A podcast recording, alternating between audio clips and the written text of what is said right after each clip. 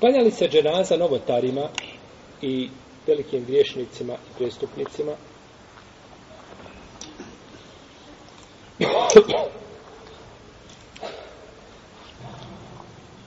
Islamski učenjaci kažu da je dozvoljeno, odnosno obavezno klanjati dženazu svim muslimanima.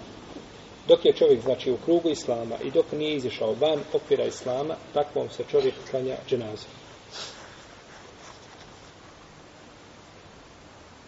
Taman bio i veliki griješnik i prestup.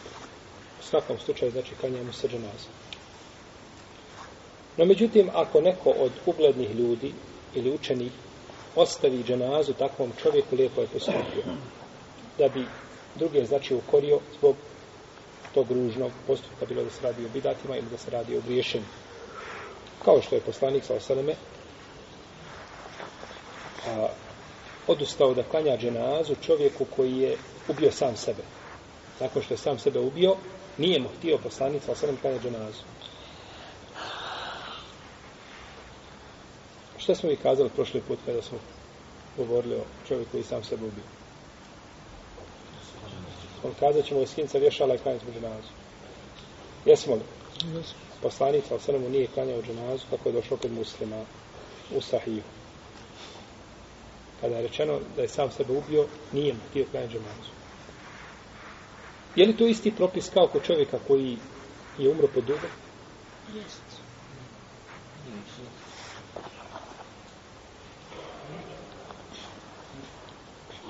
braćo moja, većina islamskih učenjaka, znači, ehlu sunnet, kaže da se takvom čovjeku klanja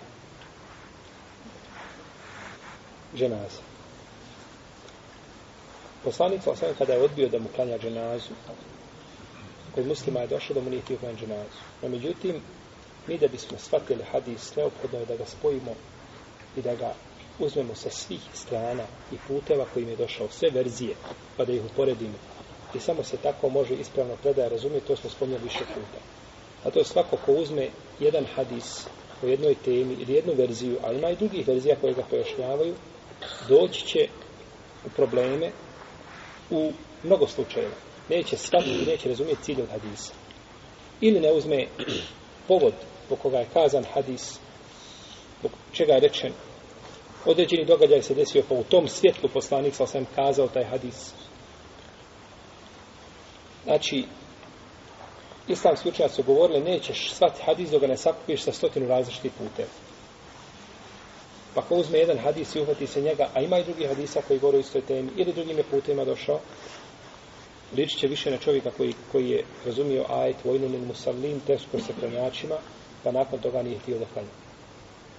Biće mlađi brat toga čovjeka koji je tako razumio. Došlo je u predaj kod imama Nesaije,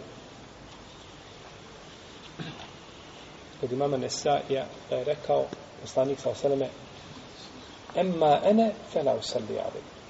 Kaže, ja mu neću klanjati dženazu.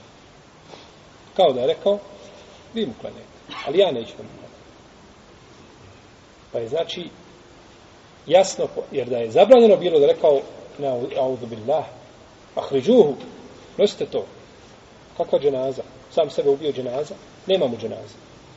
Nego nije rekao, ja mu neću klanjati dženazu. Pa je ova predaja, ja mu neću klanjati dženazu, pojasna predaju kod muslima koja kaže da mu nije klanjao dženazu.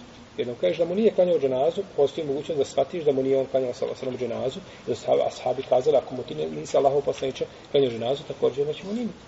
No međutim, kada kaže ja mu neću klanjati dženazu, sigurno da to znači ima potpuno dugo značenje.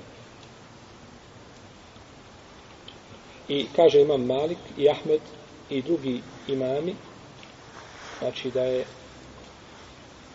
dozvoljeno takvom čovjeku klanje dženazu i to je stav izrazite većine islamskih znači većine. Izrazite većine islamskih učinjaka.